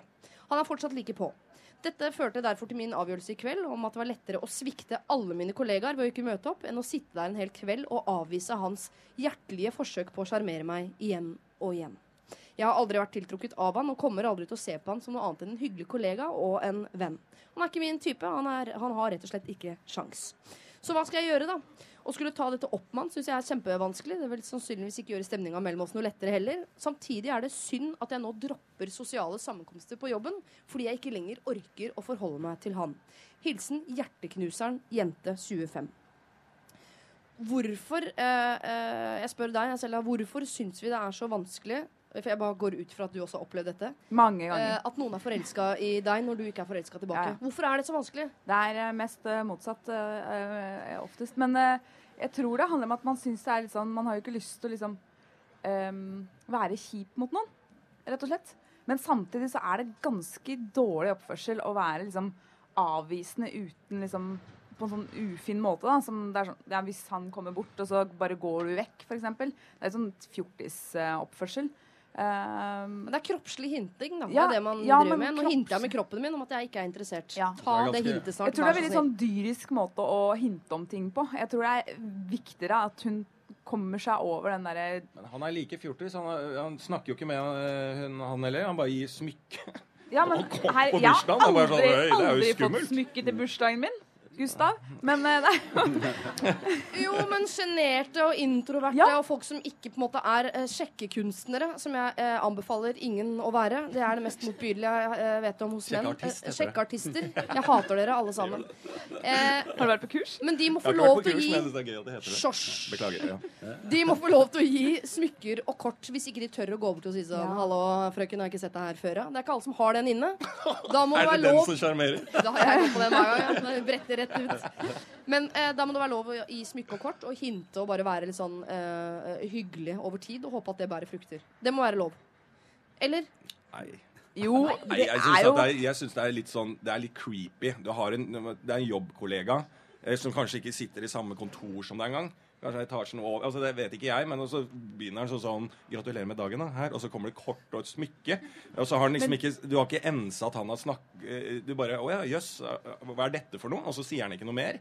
Og så kommer det litt sånn drypp, da, kanskje på ju, ju- julegave og en vase. Altså Det er bare sånn derre Rart, da. Eh, eh, så jeg, jeg, jeg, jeg, jeg, Jeg, er tror de har hatt litt sånn kontakt, og hvis hun er liksom utadvendt, en fin, søt dame, så er hun sikkert litt sånn smilende som eh, kanskje litt sånn menn som ikke har de riktige sosiale antennene når det gjelder damer, da, antar at oi, det er flørting og endelig litt oppmerksomhet, boing, og så er det smykke og Han er forelsket i henne. Hun Ja. er profesjonelt hyggelig mot han, men når han er forelsket, så oppfatter han det som hun, er veldig, hun er jo hyggeligere mot meg, er hun ikke det? Dan? Og nå sa hun jo ja, selvfølgelig kan vi kanskje, kanskje ta en øl en dag, det bare passer ikke i 2016. Men det betyr jo at hun har lyst i 2017 antagelig. Altså, alt det tar man som hint om at en dag så kommer vi til å få uh, et uh, sted på landet og to barn. Og sånne, sånne irriterer meg. Eh, eh, eh, fordi at det, det må gå an å være hyggelig i denne verden uten at det skal oppfattes som flørting eller at man skal få bli sånn sånn derre Nå byr jeg opp til dans her. Man er jo ikke, man er ikke dyr. Men det går an liksom sånn man er hyggelig og søt, så er det ikke nødvendigvis at nå flørter jeg. kan typisk sånn at hun er kjempehyggelig, og så bare så, og snakke, Kanskje han litt, snakker litt ekstra med han for å være hyggelig, og så bare isteden Hva får hun tilbake? Jo, en innpåsliten fyr som sender gaver, istedenfor å ta imot at det er en person som inkluderer deg i arbeidsmiljøet. Det irriterer meg at det, det er sånn Ja, folk misoppfattet. og jeg hadde jo- en sånn en gang. Jeg bare sto på et sånn vestkantsted i Oslo, og så eh, var det dokø. Så sa jeg til en jente bare sånn her, ja, litt sånn small talk. Ja. Eh, eh, det var ikke noe flørting i det hele tatt. Så bare sånn eh, Unnskyld, jeg, jeg er ikke interessert. Bare jeg er ikke interessert i hva da? Snakke fordi at vi står og venter sammen? Eller, altså, det er ikke nødvendig at jeg nå prøver å få med deg hjem. Vi står i en dokø. La oss snakke. Vi bør ikke stå og se i veggen begge to.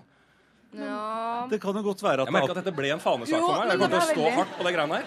Men hun burde snakke med han på en ordentlig måte. Bare legge korta fram og si hei, jeg tror du er sånn og sånn, og jeg er ikke der, så eh, Ja, for det. Lars, det Lars gjør nå, for det første nå så eh, svartemaler du han veldig gjør han om til et grusomt, ekkelt menneske. eh, uten antenner. Og samtidig så ber du Hjerteknuser 25 om å bli hun eh, grusomme dama du møtte i dokø eh, for noen traumatiske år siden, eh, som må si sånn Nei, ikke gidd å prøve å sjekke meg opp, da.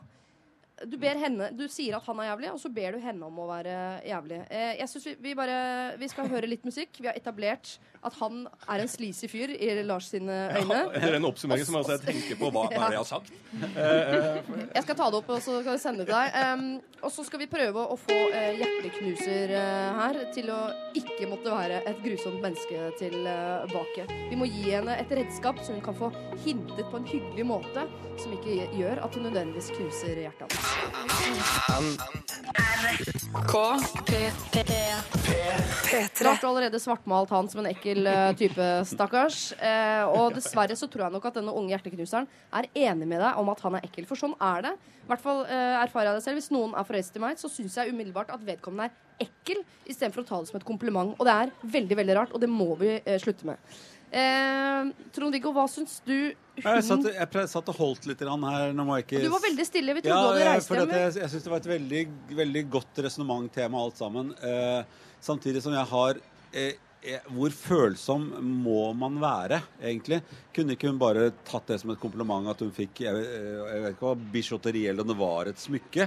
For det er jo veldig forskjell på 50 kroner og 3500. Eh, hvis man gir en gave, mener jeg. Eh, 3450 kroner. ja, kanskje det. For Jeg hadde tenkt å si det, men tenker jeg ikke. Ja, og jeg, noen ganger så gjør jeg også sånn Jeg, jeg gjør, gjør inntrykk på folk uten å skjønne at det er noe mer enn bare det jeg tror det er. Altså Min kone sier ofte 'Nå må du ikke være så hyggelig mot han kelneren, for han er litt interessert i deg'. Hva?! Altså, jeg, Det kan hun jo ikke. Eh, Jeg, det, da må jo vedkommende si, da.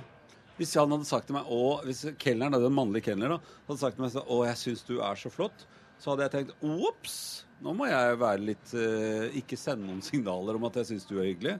Men Hvorfor må du, for da, øh, hvis Han liker deg godt, så da tenker du ops, nå må jeg bli litt mer rasshøl, så han slutter å like Nei, meg. For ikke det kan rasshøl. Nei, men kanskje jeg har eh, Nei, nå var du altfor hyggelig, sier kona mi. Eh, Det kan jo jeg være litt for hyggelig. Hvis du har lyst til å ligge med meg i en skje, ikke sant, så kan jeg ha vært litt, sendt litt for hyggelige signaler. Ja.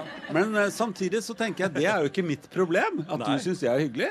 Så det, så det Jeg syns ikke alltid man skal ta så veldig ansvar for at folk er litt hyggelige tilbake. Men én ting er det, og en annen ting er å å, det var da en stor gave. Er du sikker på at du vil gi den til meg? Den kan, den kan godt ligge her, så kan du ta den med deg igjen. Eh, kunne hun sagt til han.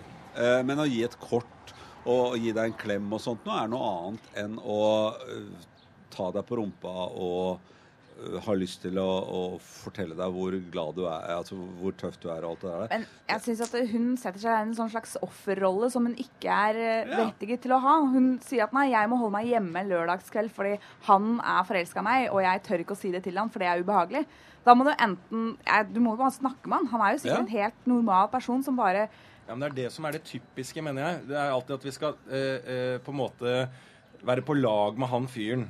Liksom, som er bare Å, han er jo bare forelska og sånn. Men han er altså, de, altså, Det er det jeg mener. Å ta de signalene og gjøre ting så vanskelig.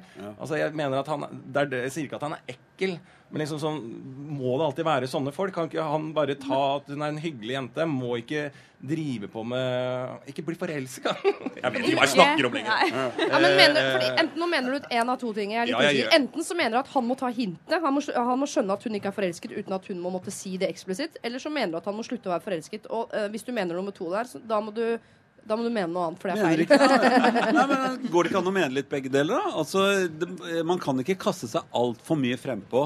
Uh, og man skal ikke holde altfor mye igjen. Eh, det er å finne en eller annen sånn eh, middelvei, og der er vi jo forskjellige. Så et eller annet sted langs denne løypa hvor de går nedover nå, så må jo hun si ifra med munnen sin. Nei, det syns ikke jeg er noe gøy. Nå hindrer du meg i å, å, å jeg, jeg kan ikke gå på disse her samlingene lenger, fordi at du setter deg for nære meg. Eh, og da kan han si Setter jeg meg for nære deg? Det var ikke meningen. Jeg bare, I min familie så er man sånn hyggelig hele tiden, at man gir gaver og sånt noe. Det, og det, det må du ikke misforstå. Nei, men dette, vi skal ha det hyggelig sammen uten at du skal tro at jeg legger an på deg. Så er vi ferdig med den samtalen. Så har hun det hyggelig igjen. Ja. Trond-Viggo. Ja. Det er grunnen til at jeg har lyst til å ligge i skje med deg.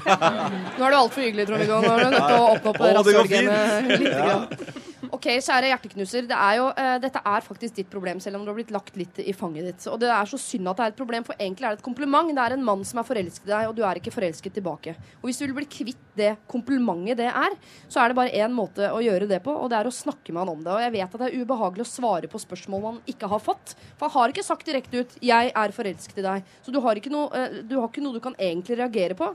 Du må bare ta det for gitt. Jeg registrerer at du liker meg litt for godt. Jeg kommer aldri til å like deg så godt tilbake.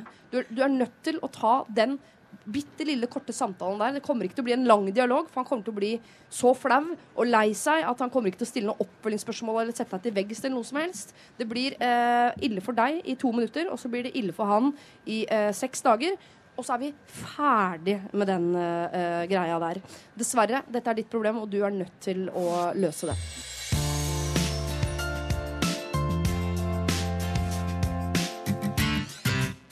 Og mens Kvelertak har spilt denne låta, så har eh, vi som sitter her i Bergen, eh, delt ut fire Lørdagsrådet-kopper til eh, fire av publikummerne som har vært så elskverdige å stå fram som tidligere eh, innsendere av problemer. Vi har møtt, eh, til deg som hører på, eh, og som kanskje har fulgt oss lenge, vi har møtt tatoveringskvinnen som eh, lurte på om hun skulle ta flere tatoveringer. Vi sa ja, og hun er enig, hun skal ta flere tatoveringer. Vi har møtt en ung eh, mann som hadde kjærlighetsproblemer. Eh, livet er ikke noe særlig bedre nå, han er fortsatt eh, singel. Men jeg eh, eh, har spådd han en lys framtid i det at han ligner på en ung Hans Olav eh, Brenner, og det elsker jo damene. Så har vi et langdistanseforhold som har blitt kortdistanse. De har flyttet sammen. Det er jo hyggelig å høre. Jeg tar selvfølgelig masse kred for det. Og legger det rett på min egen kappe. Og så eh, et venninneproblem også, eh, som er klassisk jenteproblem. Som, eh, som problematiserer ting som kommer til å måtte kunne bli et problem en gang i fortiden, nei, framtiden. Som jo er livsgrunnlaget til dette programmet. Tusen takk, alle sammen. Eh, nå skal vi videre til eh, en eh, som kaller seg for F og lei av foreplay. Det er en ganske lang mail, det er nesten som en film. Men den mangler en slutt, og den slutten skal vi lage her sammen i dag. Hei, Lørdagsrådet. Det hele startet på videregående for noen år siden. Der jeg begynte å henge med en fyr kalla Nils. Ganske snart utviklet det, seg, eh, utviklet det seg til å bli en ganske seksuell spenning mellom oss. Massasjeolje og nakenbilder. Vi chattet hele tiden om hva vi ville gjøre med hverandre osv. Men når vi møttes, så turte ingen av oss å gå all in og bare ligge sammen. Plutselig fikk han seg kjæreste. Men vi holdt kontakten fortsatt og sendte upassende meldinger. Kjæresten hans fant dette ut, eh, og jeg ble blokkert og slettet fra hans sosiale medier. Så tok han kontakt igjen da de hadde slått opp. Eh, Han sa det var jeg som var hovedgrunnen til dette eh, bruddet. Men denne gangen var det jeg som hadde kjæreste, og det samme skjedde. Min kjæreste fant meldinger og ble forbanna, og jeg måtte slette Nils og blokkere han fra mine sosiale eh, medier. Så kommer det en lang sekvens her. Nå er begge to single. Både Nils og denne eh, frøken F. De er nå eh, single. Eh, frøken F har kontaktet Nils og foreslått at skal vi bare få det ut av verden, skal vi ligge sammen. Dette vorspielet har vart altfor lenge. Eh, det har bygget seg opp i årevis. Det er masse seksuell spenning. La oss bare gjøre det. Men han har en ny jente på gang. Og dilemmaet er nå skal vi møtes og bare ligge sammen for å komme oss videre, eller eh, bør vi ikke gjøre det av hensyn til denne jenta som eventuelt kan bli hans nye kjæreste? Hvis vi stenger dette inne enda lenger, vil det trolig det samme skje igjen. At denne kjæresten finner ut av det og blir såret, og nok et forhold er ødelagt. Eh, de ønsker ikke å bli sammen, disse her to. De vil bare få den seksuelle frustrasjonen ut av kroppen, sånn at de kan ha kjærester uten å, å tenke på at de vil ligge sammen. Eh, hva syns dere jeg burde gjøre? Eh, hilsen F. Lei av eh, foreplay. Altså, dette er et eh, skal, skal ikke eh, ligge sammen-dilemma. jeg vil at dere skal si bare eh, ja og nei, og så skal dere få utdype deres ja og nei eh, etter en eh, låt. Skal de ligge sammen, Ja. Selda? Ja, sier Selda. Skal de ligge sammen, Lars? Nei. Nei, sier Lars. Skal de ligge sammen, Trond-Viggo? Det kommer an på. Det er ikke lov å si. Det kan Ja. du ut... Det sier kan du ja. ikke si. Du sier ja, ja. Ja, Ok. Vi har to ja og et nei på om disse to skal eh, ligge sammen. Uh, om vi ender opp med ja eller nei, det vet vi ikke. Uh, vi går videre etter Alaya. Dette her er Try Again. Dette er P3. Alaya var det med sin uh, Try Again. Og før det så fikk vi et dilemma som handlet om skal vi ligge eller ikke ligge. En jente og en gutt har sterk seksuell tiltrekning, hatt i årevis, men omstendigheter som kjærester osv. har gjort det uh, umulig for dem å gjennomføre dette ligget. Nå er det et smutthull i livene deres. De har muligheten nå, uh, før, eh, før kjærester kommer på banen igjen, til å ligge. Eh, Lars, du sa nei, ikke ligg. Selda, du sa ja, ligg. Eh, Trond-Viggo, du sa ja, nja, men det var ikke lov. lov. Nei, jeg prøvde å sa det kommer an på. Det kommer an på. Hva kommer det an på? Nei, det kommer an på om eh, om dette her er Om de er klar for den skuffelsen det kan være å ligge med noen. Eh, og hvis de er det, eh, og det går veldig bra, så må de også ta det andre dilemmaet. Eh, blir det oss? Eh, og da blir den spenningen kanskje borte etter hvert. Men det å ha en sånn type spenning, det kan jo være veldig greit å ha i et liv, tenker jeg. Bare ha den gående på si? Ah, er ikke det litt gøy, da? Har du det? Nei, jeg hadde det en stund, men jeg tror ikke jeg har det nå lenger. Nei. Altså, jeg, eh, jeg vet at det eksisterer, men jeg, jeg ville ikke likt eh, Da kan man ikke vite om det. Jeg vil ikke vite at min lokfører har en sånn seksuell eh, spenning gående med en eller annen på Kiwi. Det Men, men hvis du bytter den ut med, med at det er en spenning, da, at det ikke er en person der ute som kunne ha blitt, men det er en spenning eh, mot andre som du ikke er sammen med. Er ikke greit heller. Ok. Det er greit for meg. Det er greit for meg. Du er raus type, ja. Trond-Viggo. Men eh, det du sier om at eh, det kan bli en enorm skuffelse, eh, det tenker jeg egentlig er eh, bra her. Det er nesten verre hvis det viser seg at all den seksuelle spenningen dem imellom viser seg å være helt magisk. Fordi hvis han er på vei inn i et forhold, denne gutten, og de ligger sammen, og det var sånn medium minus, så er de ferdige. Slipper å tenke mer på det. Hvis det er helt kønge, så er det jo vanskelig å ikke skulle gjøre det igjen, tenker jeg. Uh, hva Ja. ligger bak ditt nei, Lars? Eh, Bak nei-et så ligger det at eh, han er i gang med en annen dame. Ja. Så det er det tredje forhold som skal ødelegges av den seksuelle spenninga. Det er voldsomt. Uh, uh, så den, det, bare at han er sammen med en annen lik- Ja, de er ikke sammen. Det er smutthull nå, altså. Ja, men det, for meg så er ikke det smutthull. Jeg er veldig sånn motstander av det, så det syns jeg er helt uaktuelt. om man gjør det opp der, i hvert fall. Og så syns jeg det blir litt sånn Paradise Hotel-aktig.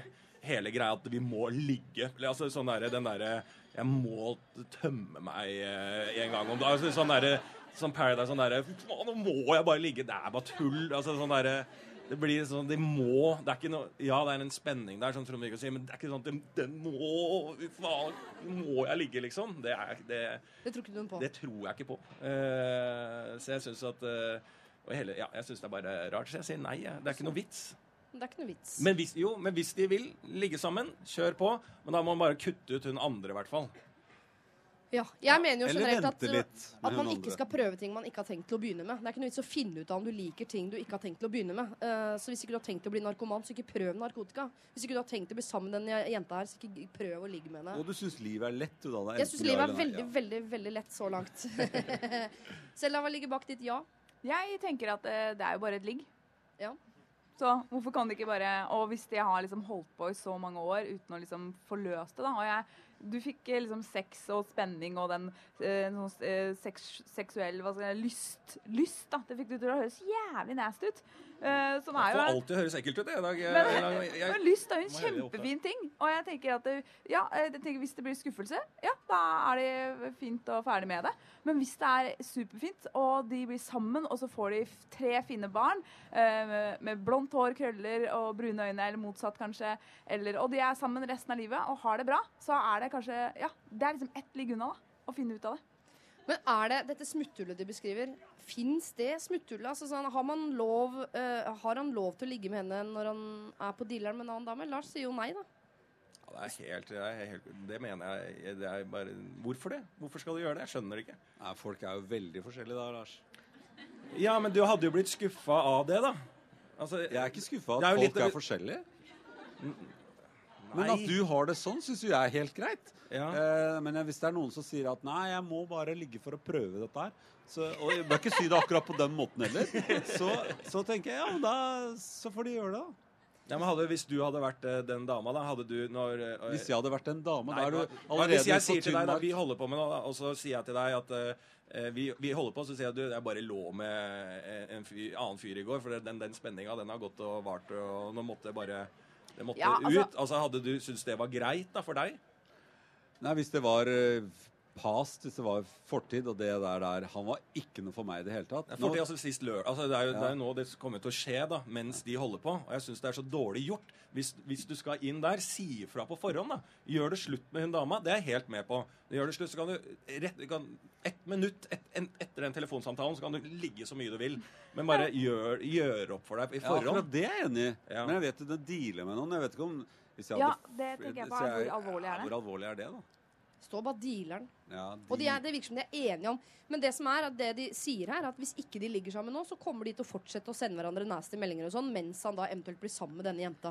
Og det, det, det virker som de er helt enige om. Så her har vi på en måte Han kan bli eh, ferdig med det nå før de blir sammen, eller så kan han eh, fortsette å sende tekstmeldinger med denne jenta mens han er sammen med denne eh, nye. Som jeg jo vil påstå er verre. Så jeg, jeg tenker at det er bedre at de blir ferdig med det nå, før han på en måte låser lenkene med denne nye dama, enn at han skal ta med seg eh, frøken F her inn i nok et forhold.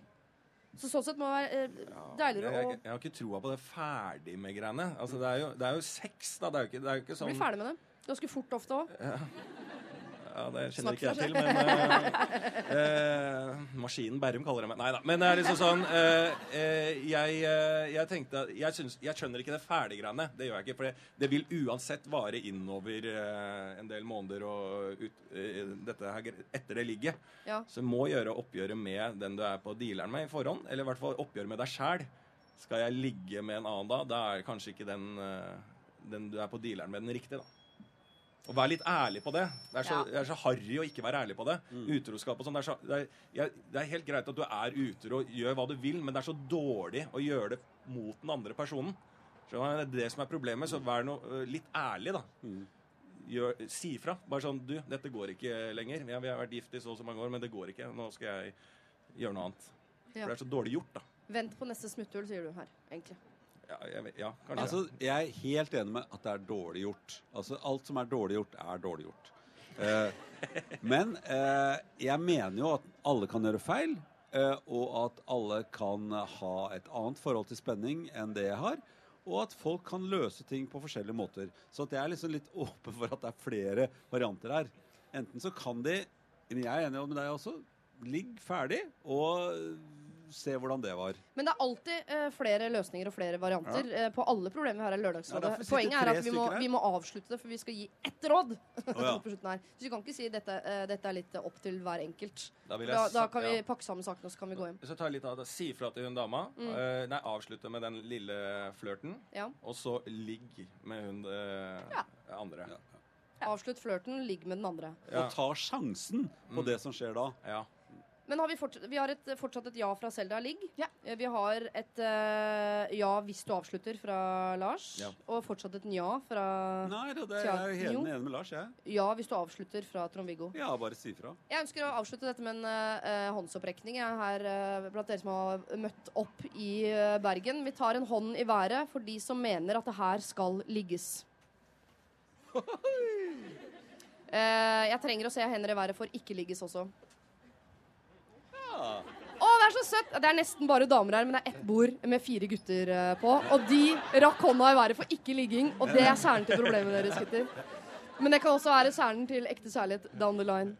OK, det blir eh, ligging, så flaks for dere at dere har et smutthull i livene deres eh, hvor det kan eh, ligges. Skynd dere da og, og ligg, men eh, tenk også på denne nye kjæresten hvis det er rom for det. Dette er er P3.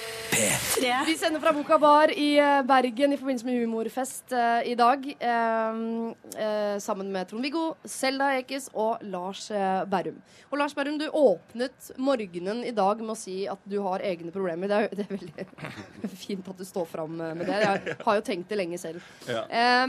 Men du har et veldig sånn et nytt problem som dukket opp i, i går kveld. ja, og jeg merker jo jo mer For jeg var ute ganske sent, så det, jo mer jeg har kommet meg til selv utover det, så er det er et veldig dårlig problem. eh, Ja. vil jeg finne ut av. For det første jeg fikk også spørsmål når jeg kom her, var sånn Skal du fortsatt ha den champagneflaska med fire glass på bordet? Er det fortsatt en god idé?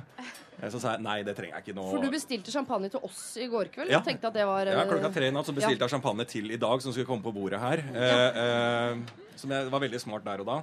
Men jeg skal ta, prøve å ta dette problemet. Da, for det er Jeg jeg, jeg kan være en surrekopp. Eh, og så hadde jeg ikke mobillader. Det har jeg aldri. Eh, reiser mye med Martin Beyer-Olsen. Dette er jo selvfølgelig irritasjon for han, for jeg må hele tida låne av han. Eh, så i går så liksom sa, sa han du, den får du ikke, for den bare mister du. Og så står bestevennen også, en god venn av Rolf, ved siden av der, og han sier jeg har en lader. Eh, med sånn som er sånn du kan bære rundt lader, eh, på en måte. Hva heter det? Og sånn ekstra batteri. Ja, sånn Ja. batteri heter det kanskje. Ja. Eh, som jeg fikk låne, og så var det sånn Å, du mister bare den. Du kommer til å miste den. Og så var jeg litt, fikk jeg litt sånn stolthet på det at nei, så idiot er jeg ikke. Eh, så skjer jo det at eh, jeg mister den. Eh. Men det, det, det som skjer, er at jeg har den i lomma. Så kommer det en, eh, eh, en jente som er venninne av en eller annen, og sier Har du den laderen? Den der med, med, kan jeg låne den?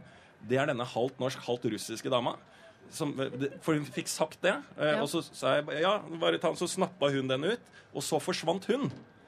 Og jeg fant jo aldri henne igjen, så da når han Rolf kom, har du laderen? Så har jeg jo ikke laderen.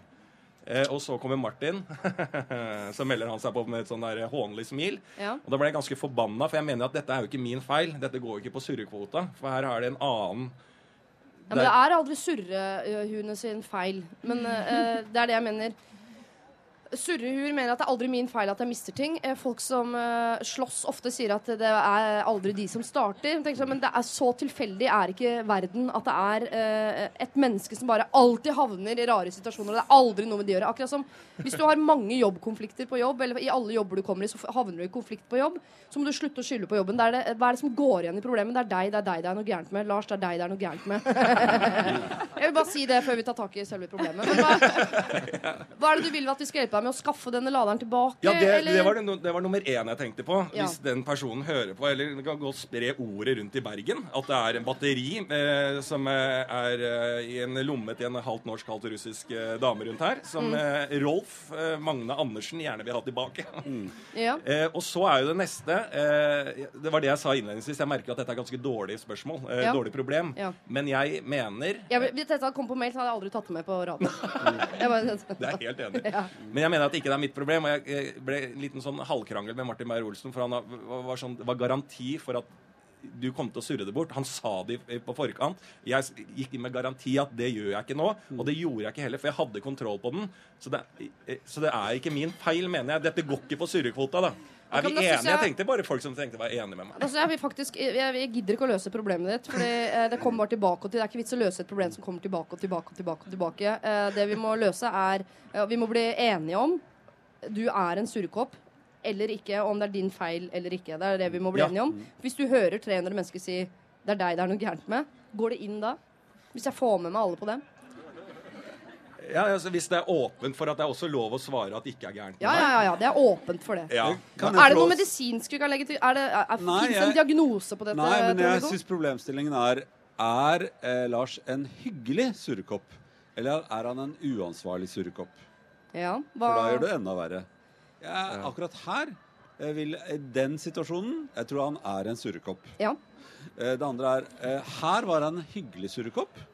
Ja. Eh, Jeg tror ikke han er en uansvarlig surrekopp. Går, du kommer til å kjøpe en sånn lader til han eh, hvem han nå het. Rolf. Eh, Rolf. eh, Rolf. Ja, samme det. Eh, han kommer til å kjøpe en sånn lader hvis det Og det bør han kanskje gjøre. Han bør kjøpe en lader. Ja. ja, det skal jeg gjøre. Det kommer jeg også Ikke til å gjøre. en hyggelig surrekopp. Ja. Du skulle ikke ha kjøpt den til deg selv òg, da? Jeg bare jo, det også. Eller så bare surrer du den For nå må vil man kjøpe en, kjøpe en lader som man ikke skal ha. Det heter en gave, f.eks. Ja. Kjøp inn, en, eh, kjøp inn et parti med ladere, er mitt eh, råd, som du kan ha eh, med deg. Ja. Dele ut eh, og, og ha selv de du trenger. Ja, det skal jeg gjøre. For jeg tror hun der damen hun har bare spurt har du en røyk. Ja, jeg har en lader. Ja, OK, da tar jeg den. Det kan godt hende at det er det som har skjedd. Ja. Kanskje er den, Ellers kanskje du får den i dag sammen med en flaske champagne og fire glass. Ja. Hvem vet? Ja. Vi aner ikke hva du drev med i går, men du er en surrekopp. Men Ja. du er en hyggelig surrekopp, og dette er et tilbakevendende problem. Og det eneste du kan gjøre med det, er å kjøpe inn masse ladere. Ja. Jeg slapp avstemning og alt, ja. Ja, du slapp faktisk avstemning på Det ja, det noen var ganger. fint En, for meg. jeg Beklager føler- at jeg tok opp tiden med uh, råd med dette tullet her. Jeg surra det til igjen. Ja, ja. Sånn sett. Ja. Det var hyggelig, da. De gangene jeg føler meg smart nok, så vil jeg ikke ha hjelp utenfra. Da, da, vil, jeg bare, da vil jeg bare bruke vetoen og gå for det. P3 Dette er Lørdagsrådet på P3. P3. Slutface eh, var eh, dette her. Eh, Sponge State heter altså låta. Vi skal til eh, noe som heter guttesyke. Eh, Jeg vet ikke om det er en godkjent uh, sykdom. Uh, flaks at vi har med oss en lege og en sykepleier i dag, men også en jente. eh, Selda Ekiz, som kan si noe om hva denne guttesyken er etter hvert. Gutter, dere får ikke lov til å uttale dere foreløpig. Kjære, flotte lørdagsråd. Hvordan mener dere at man eh, skal forholde seg til guttesyke gutter? Uh, guttesyken kan neppe forklares bedre enn den gjør i dette klippet. Og så har vi da fått en, en YouTube-video som ligger på eh, Lørdagsrådet sin Facebook-side, hvis dere går inn der og, og ser den. Forkjølelse oppleves som en katastrofe. Feber er jo nærmest en nær døden-opplevelse. Uh, og har du fått et lite slag på beinet, ja, så kan det like så greit amputeres. Er det slik at jenter tåler mer, og skal vi holde ut i all denne klagingen? Det har seg nemlig slik at min flotte kjæreste har denne lidelsen. Mitt problem er at eh, jeg syns det er så innmari vanskelig å svare medlidende på denne klaginga. Jeg kan svare 'Å, stakkars deg', da. Ja, det må være helt forferdelig. Men jeg merker at den sarkastiske tonen bryter gjennom.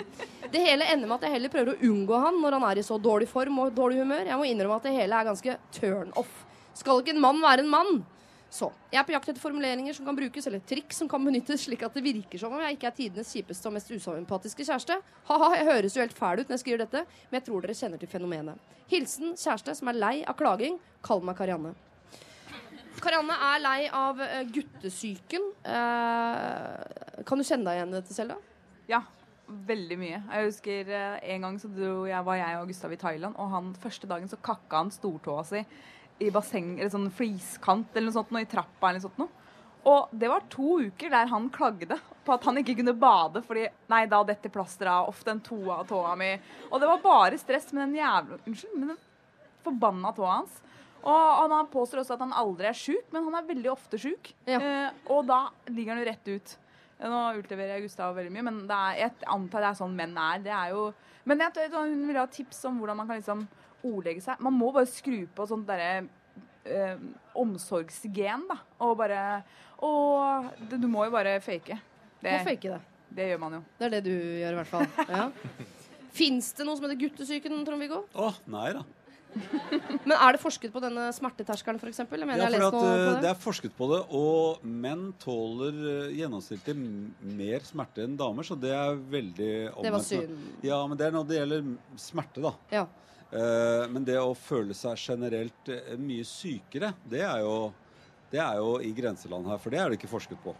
Det er det ikke forsket på. Nei, Nei. så at eh, det at noen gutter eller noen damer opplever at noen menn føler seg mye mer syk når de først er syke, det er jo en gøyal myte. Men samtidig så er det kanskje sånn damer opplever at når menn er svakeaktig, så eh, liker de dem ikke så godt. Ja, men det kan også ha noe med at når menn først er syke, eh, så har de et sånt ekstra stort behov for omsorg.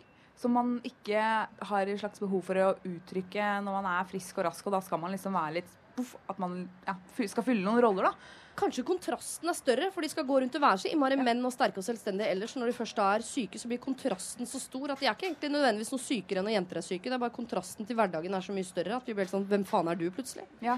Men kan det, kan det være noe eh, til deg, Trond? Er Kan det være noe sånn at det ligger et sånn urinstinkt? At eh, når kvinnen ser at mannen er litt sånn syk, at man har lyst til å Bytte at man får en sånn avsmak. Ja, men fordi at det, jeg, jeg hørte Bytta han ut, ja. Dette kan, jeg vet ikke om det stemmer, men jeg har lest uh, et sted Det er jo en dårlig start på noe som ikke er sant. Uh, men jeg har lest at uh, gutter besvimer lettere av blod enn damer. fordi at det er noen ur... ur Fordi vi har mensen. Vi Nei, nei, det henger igjen fra ur, urinstinktet for menn var de som jakta. Mm. Og at da man Når man ble skada, så var det sånn instinkt at man lata som man død. Da på en måte At man svima lettere. Det var en veldig, sånn veldig rar rapport, syns jeg, men eh, Jeg for, lurer på om jeg har hørt det fra en lege. Gal, gal verden. Det Ja. tror jeg. Ja, Ja, men kanskje det er noe urinstinkt. Da tenkte jeg ok, da, da var det falsk, den påstanden. Men jeg skal bygge videre på den falske påstanden. Men det er veldig dumt å sende Hvis vi er to stykker i en hule, da, en jente og en gutt, så tenker sånn Du besvimer av blod. Da er det du som går på jakt. Det er jo helt meningsløst. Altså, Ja. til og med Steinalderen skjønte at det var eh, dumt. det var derfor jeg ikke likte den teorien så godt. Men det Jo, men det er når du er skada, ikke sant. Når en bjørn kommer, og så har du fått et kutt, og så svimer du av.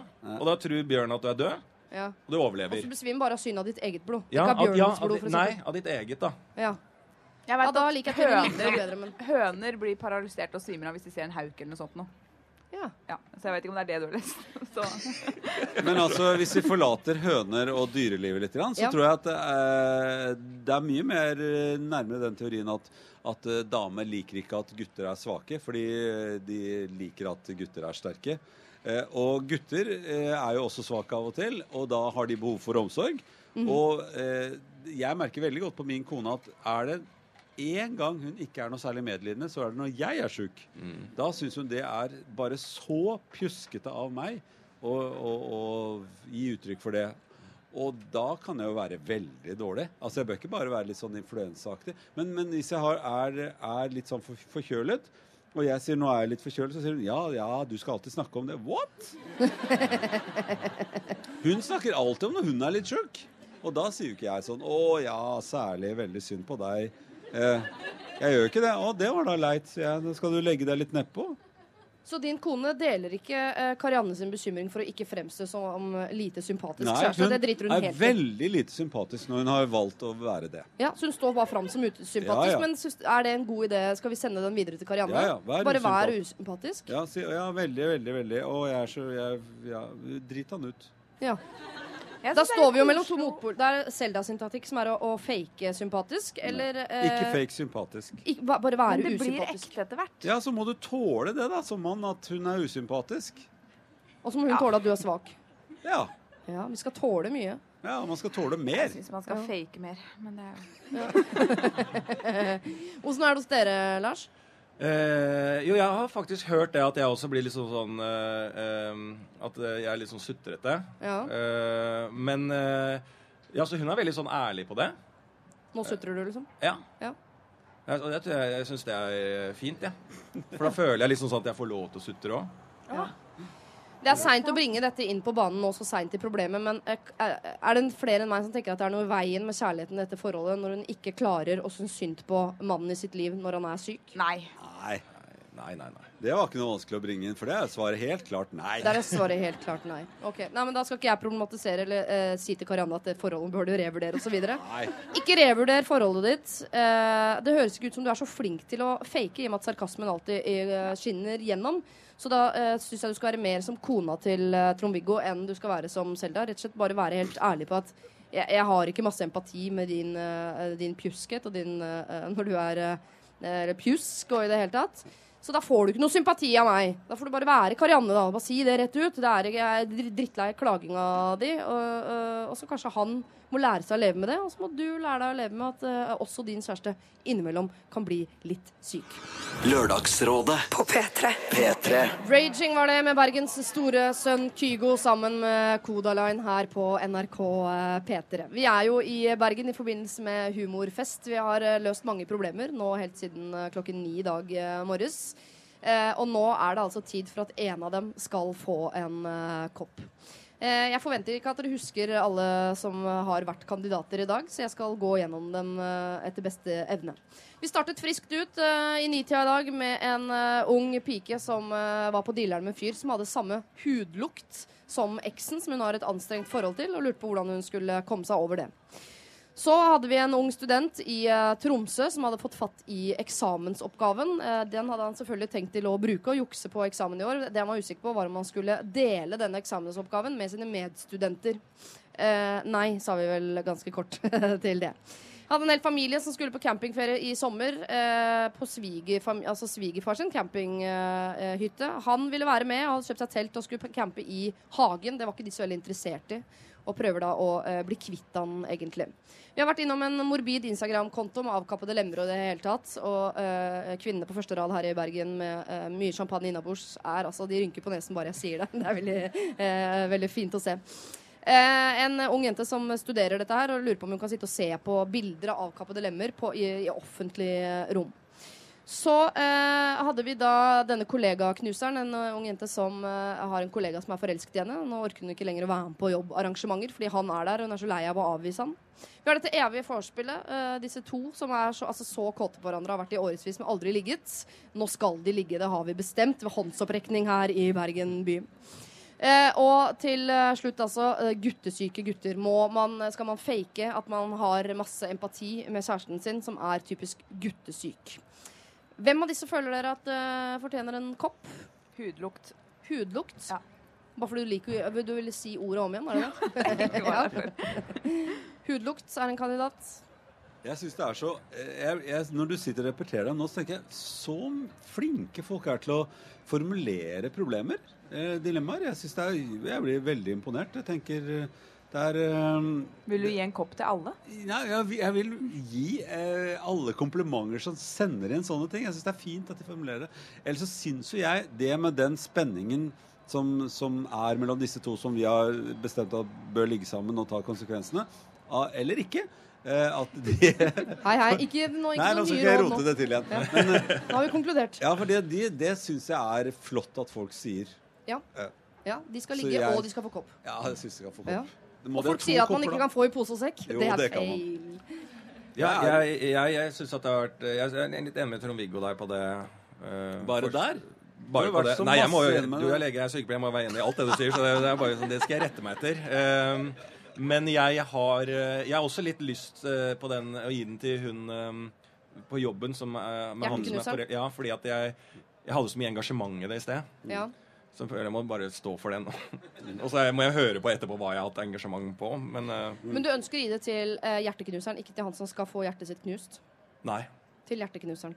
Da har vi tre kandidater. Tre kandidater jeg- jeg- må bli til én.